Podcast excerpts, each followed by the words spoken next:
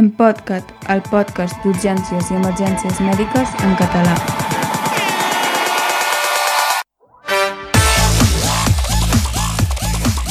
Salut, benvingudes i benvinguts al podcast d'urgències i emergències mèdiques en català.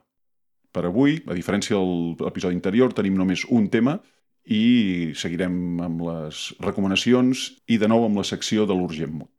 Com sempre, per aquest podcast som eh, els còmplices habituals, jo mateix, Albert Oms, infermer d'urgències i emergències, avui mateix a la Cerdanya una mica tapat, i a l'Empordà en Xavi Basurto. Bon dia, Xavi. Hola, bon dia. Pues sí, aquí des de l'Alt Empordà, eh, que també estem així una miqueta tapats i ha començat el dia plovent, però bueno, estem, estem fantàstics. No hem fet gaire bona propaganda turística, eh, amb la meteo aquesta.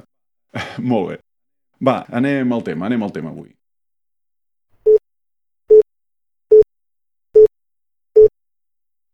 I el tema d'avui ens expliques tu, Xavi, què és el que ens vol, de què ens vols parlar.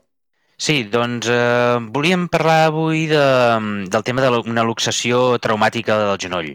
Nosaltres eh, fa ja el 2017, crec que era, ens vam trobar amb un cas d'una luxació traumàtica del genoll i a partir de llavors eh, sé que va haver-hi la controvèrsia de si necessitaven eh, totes les luxacions del genoll necessitaven un, eh, un angiotac eh, immediatament, a l'abans possible, o no era necessari i vam revisar el tema, en vam fer un post que el tenim penjat a, o el teniu penjat a, a, en el blog d'urgent.cat i que i ara recentment n'hem tingut una altra luxació del genoll i vam pensar que seria una bona ocasió per, per actualitzar el post i, i fer-ne aquest podcast i explicar una miqueta, no? Quan parlem de luxació de genoll, parlem de la separació de la tíbia i el fèmur, eh? no parlem de la ròtula. Clar, la, la luxació de la ròtula és, una, és, és molt més freqüent, això ho veiem eh, cada dos per tres i normalment amb una miqueta d'analgèsia o una mica de sedació molt superficial li fas una empenta a la ròtula i torna al seu lloc i no dona més eh, problemes. Aleshores, eh, sí que parlem de, ara parlem de la luxació traumàtica del genoll. Normalment parlem de la tíbia, tibia i peroné que se'n van cap enrere al fèmur o se'n van cap endavant o cap als laterals, vale? però és una lesió que trenca, ho pot trencar-ho tot, val? Vull dir, trenca els meniscos, trenca els lligaments laterals, trenca els creuats, això bueno, són complicacions mecàniques que amb xapa i pintura te no pot sortir, però el problema és que hi ha, en aquest tipus de luxació hi ha lesions greus poden haver-hi lesions greus d'artèria poplítea, artèria i vena poplítea això es dona, no està clar amb quina, amb quina incidència passa, però has de comptar que pot passar en un 15 o un 20% de les luxacions del genoll tenen lesions arterials associades i aquestes, eh, el 80% acaben a quiròfan i d'aquestes un 10-12% acaben amb amputació de l'extremitat. Això fa por, eh? Sí, són... És... Lo, lo de xapa i pintura, els, bueno, els traumatòlegs amb la xapa i pintura igual s'emprenyen. Sí, i ja feia mal, però clar, ara m'estàs dient que igual et luxes el genoll i al cap d'unes setmanes no tens, no sí. tens cama. Uh, sí, sí. Por, eh? No, no, és una, clar, és una complicació, és una, és una luxació amb possibles eh, conseqüències molt greus. Pensa, hi ha trampes, com per exemple, bé, no trampes, eh, s'ha d'anar ràpid perquè amb una, si tens una lesió de l'artèria poplítea eh, has de comptar que tens 8 hores per solucionar-ho perquè si no ja, ja tens complicacions eh, irreversibles d'isquèmia distal a l'extremitat, que vés a saber com acabaran, i a més a més això també dona, la isquèmia aquesta també et donarà un síndrome compartimental, si te l'han d'operar també ajuda al síndrome compartimental i, bueno, és un pollastre important i, i que s'ha de tindre, quan vegis una, una luxació del genoll, se t'han de posar els pèls de punta i activar tot el que hagis d'activar i curar-te amb salut. No és allò de dir, bueno, aviam, el genoll sembla que estigui al seu lloc, no, has de tindre una mica de sospita de que pot haver-hi una lesió important. És, les, els xifres són més o menys aquestes. Eh? Un 20% de les luxacions del genoll poden tindre lesions vasculars. A més a més, també s'associa a lesió nerviosa. Per aquí per darrere passa el ciàtic popliti extern i també es pot lesionar. Fàcilment es lesiona i, a més a més, es lesiona i si es lesiona fàcilment queden seqüeles permanents, de, sobretot de pèrdua de força en la flexió dorsal del peu i amb la versió de, del turmell del peu, a part de pèrdua de sensibilitat a la cara externa de la cama i al dors del peu. Hi ha lesions musculars, nervioses i, lògicament, també pot haver-hi fàcilment lesions òssies, no? de, de, del planell tibial, del peroné, eh, això pot estar trencat i a més és, lògicament, les lli eh, lesions lligamentoses totes, vale? els creuats, els laterals, tot eh, se'n va a Norris. De la manera que ho expliques, Sí. fa pinta de que això requereix de molta energia per luxar-te el genoll. En condicions, el més, el més habitual és que sí, i a més a més, eh, amb lesions d'alta energia, no? de vehicles i tot això, i complicació o el problema de que possiblement el malalt té altres problemes a part del genoll. Vale? Vull dir que potser pots tindre una lesió toràcica, no? eh, una lesió, un TC, i que, que et comprometen la vida directament del pacient. I millor li dones menys importància o no pares a mirar-te ben bé si té el pols distal de la, del peu bé amb un mal que té un traumatisme toràcic important. Aleshores, et pot, fàcilment et pot passar desapercebut. Però sí que és veritat que mm, veiem un 50% de les luxacions del genoll eh, pa, poden passar inadvertides perquè hi ha, hi ha reduccions espontànies. Vale? Espontànies o reduïdes sense donar-te en compte. És a dir, a l'hora de fer l'extricació del malalt i fer la- l'alineació no? de cervical, columna i tot això, i tens el malalt més o menys en el jaciat per posar-lo a la llitera, posar-lo a l'ambulància i tal, és fàcil que es faci una, redu una reducció d'aquesta luxació.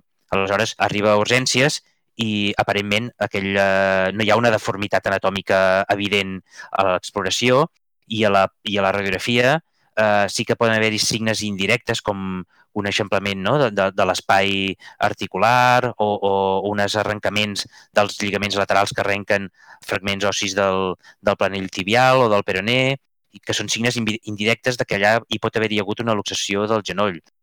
Per tant, si no estàs molt alerta, és, és fàcil que alguna luxació del genoll no sigui tan evident i et passi per alt i sigui una luxació que hagi provocat una lesió vascular i nerviosa. Per tant, sí que... I, i, i també és veritat que, per exemple, no és, no és absolutament necessari que hi hagi un traumatisme d'alta energia. Eh, sobretot això es veu, per exemple, amb, relacionat amb l'obesitat. Pot ser que hi hagin lesions de bicicleta sense gaire energia, que, bueno, que, que, que, que hi ha una luxació de, del genoll i pot passar desapercebut. Per tant, tenim aquests problemes, eh, que a vegades amb lesions amb un pacient politraumàtic o amb un pacient d'alta de baixa energia ens poden passar desapercebudes aquestes, eh, aquestes luxacions. Aleshores, el primer que hem de fer és primer sospitar-ho i un cop sospitar-ho anar-ho a explorar. Primer comencem amb, lògicament, signes evidents de que hi hagi una lesió vascular, és a dir, una, una cama, si tens una cama eh, sense pols distal, no? el pols al dorsal del peu o tibial posterior, eh, no el tens, no tens pols, o tens una cama freda, pàl·lida, cianòtica, doncs, lògicament tens una lesió vascular eh, fins que no es demostri el contrari. Per tant, posar-te en contacte eh, quan abans millor amb el cirurgià vascular i enviar-lo amb el cirurgià vascular, que el seu seria entrar directament a quiròfan. Imagino, Xavi, que tota aquesta exploració que expliques es fa un cop la luxació està reduïda. Eh? És a dir, abans de... Imagino que amb el doloraco que deu tenir l'individu, sí. l'individu que s'ha luxat el genoll, el primer deu ser posar el, el genoll al lloc que li correspon. Uh, sí, el que diu la recomanació és que quan tu vegis si la luxació a, a nivell- extrahospitalari, eh? si, si, no veus, si veus que no hi ha compromís eh, vascular, és a dir, que el, distalment està ben, hi ha un bon reompliment capilar, ja, eh, la, la cama no està freda i no veus i, i tens uns polsos normals, per tant intueixes que no hi ha compromís vascular, no hi ha una emergència en reduir la luxació. L'emergència, i ho has de fer-ho allà on estiguis, és quan vegis o sospitis, que tinguis la mínima sospita de que hi ha un compromís vascular, eh, sí que és urgent fer la reducció. Vale? Si no, pots, pots tindre temps de... Si no hi ha una demora de molt temps de que hi hagi un desplaçament d'hores o el que sigui, pots fer la placa abans, pots fer la radiografia abans. Eh, sí que jo diria que a nivell d'extrahospitalària, en cas de que ho sospitis que hi hagi, que hi hagi hagut una lesió, una luxació del genoll, eh, jo penso que seria, seria tributari d'enviar directament amb algun centre hospitalari on, per exemple, se li pugui fer un angiotac. Eh, no derivar-lo d'entrada perquè eh, és molt possible que aquella persona acabi necessitant un angiotac i davant de l'emergència, perquè tens menys, tens, tens màxim, si té una lesió vascular, tens 8 hores per entrar a quiròfan. Aleshores, si l'envies a un hospital comarcal, que potser en aquell moment no disposa d'un angiotac, eh, estàs retrasant molt, molt el temps, eh, el temps vale? i t'està jugant l'extremitat d'aquesta persona.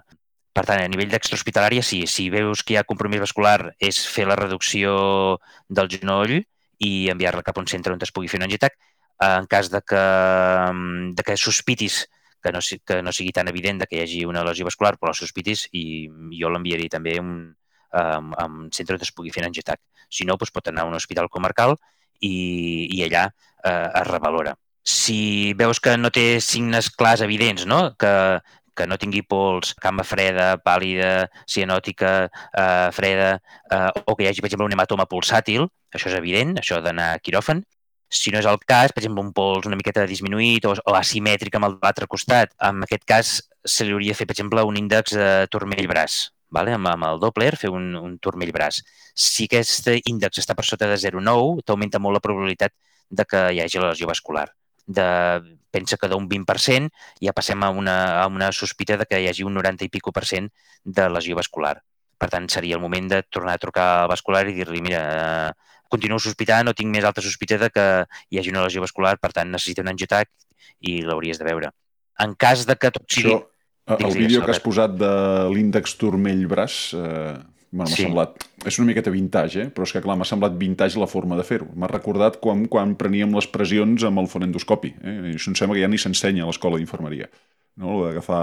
Bueno, explica'ns explica'ns una miqueta com és això de l'índex turmell-braç. Sí, bueno, això és una, uh, aquesta eina la fan servir molt, per exemple, a nivell de primària, no? Uh, ara no, no recordo exactament, però sí que era és un índex que te marca el risc cardiovascular també del pacient, perquè te mira les resistències vasculars i bé, no coneixo exactament el mecanisme, però sí, és amb un, amb un Doppler que té una forma així com de rotulador, que el poses just en el uh, tibial, a l'artèria tibial posterior o, o dorsal del peu i infles el, el braçal pneumàtic i tens un manòmetre i vas mirant, vas baixant la pressió i quan tornes a captar senyal Doppler, doncs mires el manòmetre quina tensió tens i això ho fas a nivell de l'artèria braquial i a la tibial posterior i, i fas la divisió. Val? Si et surt per sota de 0,9, doncs, eh, i, eh, augmenta les, augmentes la probabilitat de que, que hi hagi una lesió de la poplítea. Val? I per tant augmenta l'índex de sospita i per tant has de necessites un angiotac i ja. Uh, no sé si a nivell d'urgències, clar, no, al millor a nivell de primària segur que tens aquest aparell, a nivell de primà, a nivell d'urgències hospitalàries uh, possiblement t'acostaria una miqueta més trobar-lo aquest aparell o, o almenys saber on, on està de l'hospital i anar-lo a buscar quan el necessitis. Jo pel que vaig veure l'aparell és un, és un transductor d'aquests que fan sí. servir les llevadores per escoltar el batec fatal, però vaja, jo m'imagino sí. és un Doppler, o sigui que amb l'ecògraf que hauríem de tenir ja tots el servei d'urgències ens hauríem d'apanyar. O sigui, bàsicament sí. es tracta de veure Sí, tal com ho vaig entendre, eh? és a dir, tu infles el, el manegot de la pressió, que el tens, en aquest cas el tens sí, al panxell de la braçal, cama. El braçal pneumàtic. Perdó, el braçal pneumàtic, dispensi'm. El vas desinflant i amb el Doppler esperes a sentir el Exacte. soroll del primer batec, eh, com els sorolls de Korotkov quan escoltes la, quan prens la pressió a l'antiga, no? És exactament Exacte. el mateix. Eh, sí, sí, si no tenim el, si no tenim el sònic, pues farem anar per el que tinguem, el, el, i m'imagino que fa servir el, el Doppler en comptes del Fonendo, perquè amb el Fonendo pff, és, exacte. molt, molt, exacte, és molt erràtic el que sents. No? Exacte, sí, sí, sí, sí. Sí, sí, sí. I en cas de que no vegi signes evidents de que hi hagi una lesió arterial del genoll, que l'índex turmell bar sigui normal, eh, què farem? pues, com a mínim l'hauries de deixar, hauries de, el malalt hauria de quedar eh, a urgències o, o ingressat 24 hores perquè tota aquesta exploració, exploració vascular i l'exploració nerviosa, comprovar que no tingui, que no vagi desenvolupant un síndrome compartimental, ho hauries d'anar-ho fent, hauries de monitoritzar, monitorar aquest, aquests, aquests paràmetres per veure que no faci això, no? que faci aquestes lesions, perquè de vegades no, no és una dissecció una, una de, de la poplítea, sinó que a vegades hi ha lesions de la íntima de la poplítea que fa, acabaran fent trombosi al cap d'unes hores. Per tant, l'has de tindre en observació, eh, posada amb una, amb, una, amb, una, amb una fèrula de guix, eh, amb la cama a 20 graus, immobilitzada a 20 graus, si pots posar-li una miqueta de fred, i elevar una mica l'extremitat i 24 hores d'observació controlant no? que no hi hagi síndrome compartimental, com està a nivell nerviós, del ciàtic públic extern i com està a nivell de circulació perifèrica. I el mínim dubte, angiotac. Per tant, jo penso que el resum de que volia dir és, eh, sobretot, sospitem, perquè hi ha moltes eh, luxacions que passen desapercebudes, per tant, sospitem-ho, encara que sigui un traumatisme de baixa energia. Si veus un genoll que està molt eh, dematós, un traumatisme i tal, sempre mirar els polsos distals en el, eh, i en cas de que sigui una lesió vascular que vegis evident, enviar-la ja de seguida eh, des de l'extrahospitalària eh, a un hospital on hi hagi cirurgia vascular. En cas de que tinguis uns polsos que siguin asimètrics d'un costat a l'altre o que tinguis un índex turmell-braç per sota de 0,9, pues, enviar-lo també al cirurgià vascular i, si no, quedar-te el pacient amb el genoll immobilitzat a 20 graus, en fred, elevació, quedar-te'l 24 hores per eh, monitorar com està eh, a nivell vascular i nerviós i de síndrome compartimental, eh, com a mínim 24 hores. Per tant, alta sospita i en cas de la mínima sospita, abans, fa uns anys, eh, sí que deien que tothom amb una luxació del genoll necessitava una arteriografia i per descartar això. Ara s'intenta ser una miqueta més eh, lògic, optimitzar una miqueta més i no tothom, però sí que davant la mínima sospita necessita un angiotac. I, i s'ha de sospitar això, has d'anar-ho a buscar-ho, perquè no, no sempre és tan evident. I, la, I les complicacions, com hem dit abans, eh, eh, de que et passi desapercebut una lesió de la poplitea eh, pot acabar amb amputació de l'extremitat no? o amb cirurgia, amb un bypass femorotibial i és, és un pollastre important pel malalt. I és una cosa que, que, que veiem poc sovint i, per tant, poder no estem acostumats a... ens pot passar desapercebut, no?, tot aquesta, tot aquest algoritme i, per tant, és, és bo recordar-ho. Déu-n'hi-do, déu nhi déu com sempre, a les notes de l'episodi trobareu l'enllaç a aquesta entrada del blog Urgem amb els corresponents vídeos i una infografia molt xula que resumeix tot això que ens ha explicat el Xavi fins ara. I aquí acabem el tema d'avui i ens anem a la secció que vam estrenar en l'episodi anterior de l'Urgent Mot, secció que ens agrada molt perquè així eh, aprenem a dir coses en català que diem malament. Avui n'hem triat... Bé, jo he triat un parell de paraules de l'urgent mot de març. Uh, mira, li les he triat justament perquè perquè si les dic no quedo com el tio raro del servei, que bueno, ja ho sóc, però no passaria res, no? N'hi ha més, eh? algunes de més complicades, però a mi m'ha agradat molt la del aleteig auricular, en comptes de dir-n'hi flutter. Això de l'aleteig sona maco. L'aleteig de la papallona, sona molt maco. Sí, que molt bé. I l'altre que m'ha agradat és la caròtida. La caròtida que tots l'escrivim acabada amb A, carotida. Sí, sí. I jo eh, ve veig que l'urgent mot ens diu que ho hem de dir carotide, acabat amb E. Clar, els que parlem així el català central no hi ha problema perquè ho diem amb la vocal neutra, doncs caròtida, caròtida és el mateix. Però m'agradaria sentir com ho diuen els amics de Lleida. Eh, amb aquest català occidental això seria carotide. Sí. No sé, a veure si hi ha algun que ens escolta que ens explica com ho diria. Sí, sí, jo tota la vida n'he dit caròtida, eh, la, la caròtida. Sí, jo sempre n'he dit la caròtida, però, bueno, poder... Perquè, i sempre pensava que anava acabat, acabava amb A, però no. Uh, el term cat diu que acaba amb, amb E. Pues, pues ho escriurem, a partir d'ara ho escriurem amb E i cap problema. Doncs, si ho diu el, tercat, el termcat va a missa. Sí, exacte. I a tu quines has triat per, quines has triat per aquest mes, Xavi? Jo del mes de març eh, havia vist que um, havíem detectat que, que hi ha moltes paraules que utilitzem a, a urgències de les quals tenim algun problema no, nosaltres tenim un problema d'identificar-los i, i eh, etiquetar-los um, de gènere, perquè hi ha una sèrie de mots que no sé per què, segur, segurament si ets un filòleg o, o hi entens molt de lletres sabràs el per què, però que els hi canviem la cultura popular o el que sigui, els hi canviem el gènere. Per exemple, en els, eh, el bacteri és el bacteri, no? és, un, és un mot masculí. Eh, no, és la, no és la bactèria que sempre havia dit jo. Aleshores, eh, el bacteri acaba, és, és masculí, no acaba amb A, acaba amb, amb I, bacteri. I, per contra, els, els fàrmacs que poden matar aquests bacteris, eh, per exemple, eh, les quinolones, són femenines.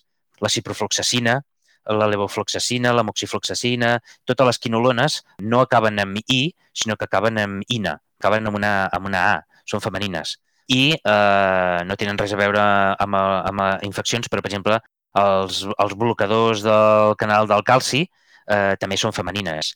La nimodipina, nifedipina, nimodipina, tot això, que sempre n'havíem dit, o jo n'havia dit nimodipí, per exemple, o nifedipí, doncs no, és nimodipina i nifedipina.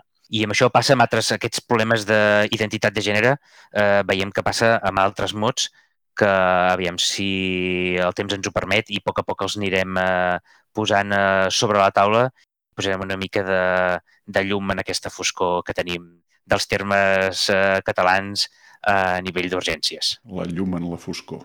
Molt bé. Exacte. Bueno, mira, també he sentit això de bacteri, he pensat en el professor Bacterio del Mortadelo i Filemón, mira, m'ha fet gràcia també. Sí, sí, sí. Molt bé, bueno, els urgent mots aquesta vegada ho fem curtet, perquè també es tracta de riure una mica. Exacte. I per acabar, l'última secció de- d'aquest episodi del podcast són les recomanacions. Com sempre, cadascú de nosaltres n'explica una. Comences tu, Xavi, quina tens per, aquesta, per aquest episodi? Sí, jo m'agrada en, aquest, en aquest apartat de les recomanacions fer alguna que no sigui tan, eh, tan bueno, sí que és clínic, però una miqueta més de temes de recerca o de cerca bibliogràfica i volia, només volia recordar o pel qui no el conegui, és un cercador bibliogràfic molt eh, important i molt, molt adequat, molt fàcil d'utilitzar, que és el, se'n diu Trip Database. Trip vol dir no de viatjar, sinó de, de en anglès és Turn Research, Research into Practice, és a dir, intentem convertir la recerca a la pràctica clínica i és un, és un metacercador, és a dir, és un cercador que tu li poses, i té una caixa de cerca i allà li poses pues, un terme, dos termes, tres termes, els que creguis convenient que defineixen ben bé el teu dubte i apretes a l'entro i ell te fa una cerca eh, a centenars de bases de dades que ell ha considerat que són eh, bones, bones fonts d'informació i amb un sol, la gràcia és que amb un sol clic ell ja te fa una cerca a molts llocs que per contra, si no, tu ho hauries de conèixer i, a més a més, fer-ho manualment un per una, aleshores ell ja t'ho fa tot d'una sola cerca. Avantatges que té això, és un, és un cercador eh, gratuït, vale? hi ha la versió, la versió freemium, la versió gratuïta, que ja està molt bé, està molt correcta, no necessites res més. Si vols una miqueta eh, tindre algun avantatge més, que te consulti alguna base de dades més, te deixi obrir algun, algun PDF eh, de més, eh, alguna cosa de més, eh, pots fer la subscripció pagant, que em sembla que són, ara no sé si són, que em sembla que són com a 40 o 30 i pico euros l'any, no és una animalada, ho pots fer-ho així, doncs una versió premium, i mm, un altre avantatge que té important o diferència d'altres eh, fonts de consulta és que quan tu li fas la cerca, ell et dona molts resultats, perquè busca molts llocs. Però tots els resultats que te dongui, siguin 1.000, per exemple, te'ls ordena a la part dreta de la pantalla, te'l veuràs que hi ha les diferents fonts on te'ls ha consultat. I aquestes fonts estan ordenades de fonts de més nivell d'evidència a menys. Per tant, encara que tu hagis fet una cerca i hagis obtingut eh, 2.000 resultats, que són molts, i lògicament no te'ls podràs mirar tots, serà fàcil fer un cribatge perquè tu comences a, a seleccionar els que, les fonts que estan a la part superior d'aquest llistat. I amb això enllaço, en la part superior mm, són les on hi haurà mm, eh, articles, documents amb més nivell d'evidència, per tant més vàlids que els que trobaràs a la part inferior. I per tant serà molt fàcil de, de ràpidament trobar doncs, una guia de pràctica clínica, una revisió sistemàtica, un bon assaig clínic i desgranar, separar el gra de la palla. Tota la resta, tot el que trobaries, per exemple, eh, si ho fessis la consulta, per exemple, a PubMed, doncs tot això, que, que la majoria de les coses que trobessis allà doncs no tenen gaire utilitat, doncs tot això t'ho descartes. I, per tant, és una cerca molt més eficient. No us dic res més, és molt fàcil d'utilitzar, és molt intuïtiu i intenteu fer-ho servir de tant en tant i ja veureu que no té cap mena de complicació i aporta molta, moltes fonts de coneixement que veureu que, que és bastant útil. Me l'apunto, eh? Me l'apunto. Tinc algunes cosetes pendents d'escriure al blog que em sembla que m'anirà molt bé aquesta eina. Doncs pues endavant.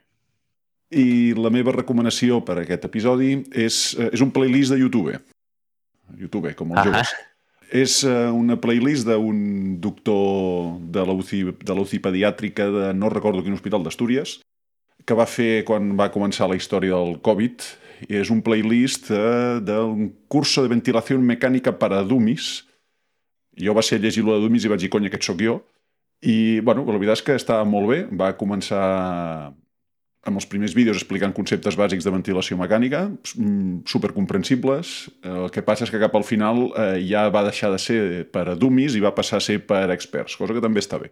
Vam començar no tenint ni idea, per saber-ne una miqueta i per acabar eh, sentint, tenint la sensació de que seguíem sense tenir-ne ni idea. Us recomano, estava molt bé. A mi em va agradar bastant i, bueno, és bastant...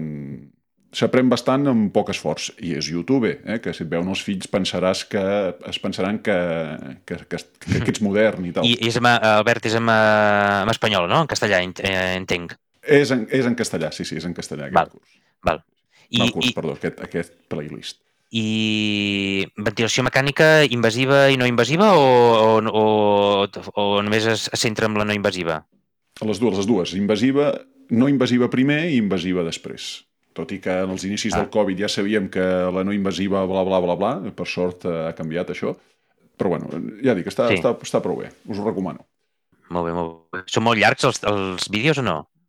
Vull dir, sí, hem d'estar, hem de preveure que estarem tota No la massa, tarda... hi ha, evi- evidentment hi ha varietat, però...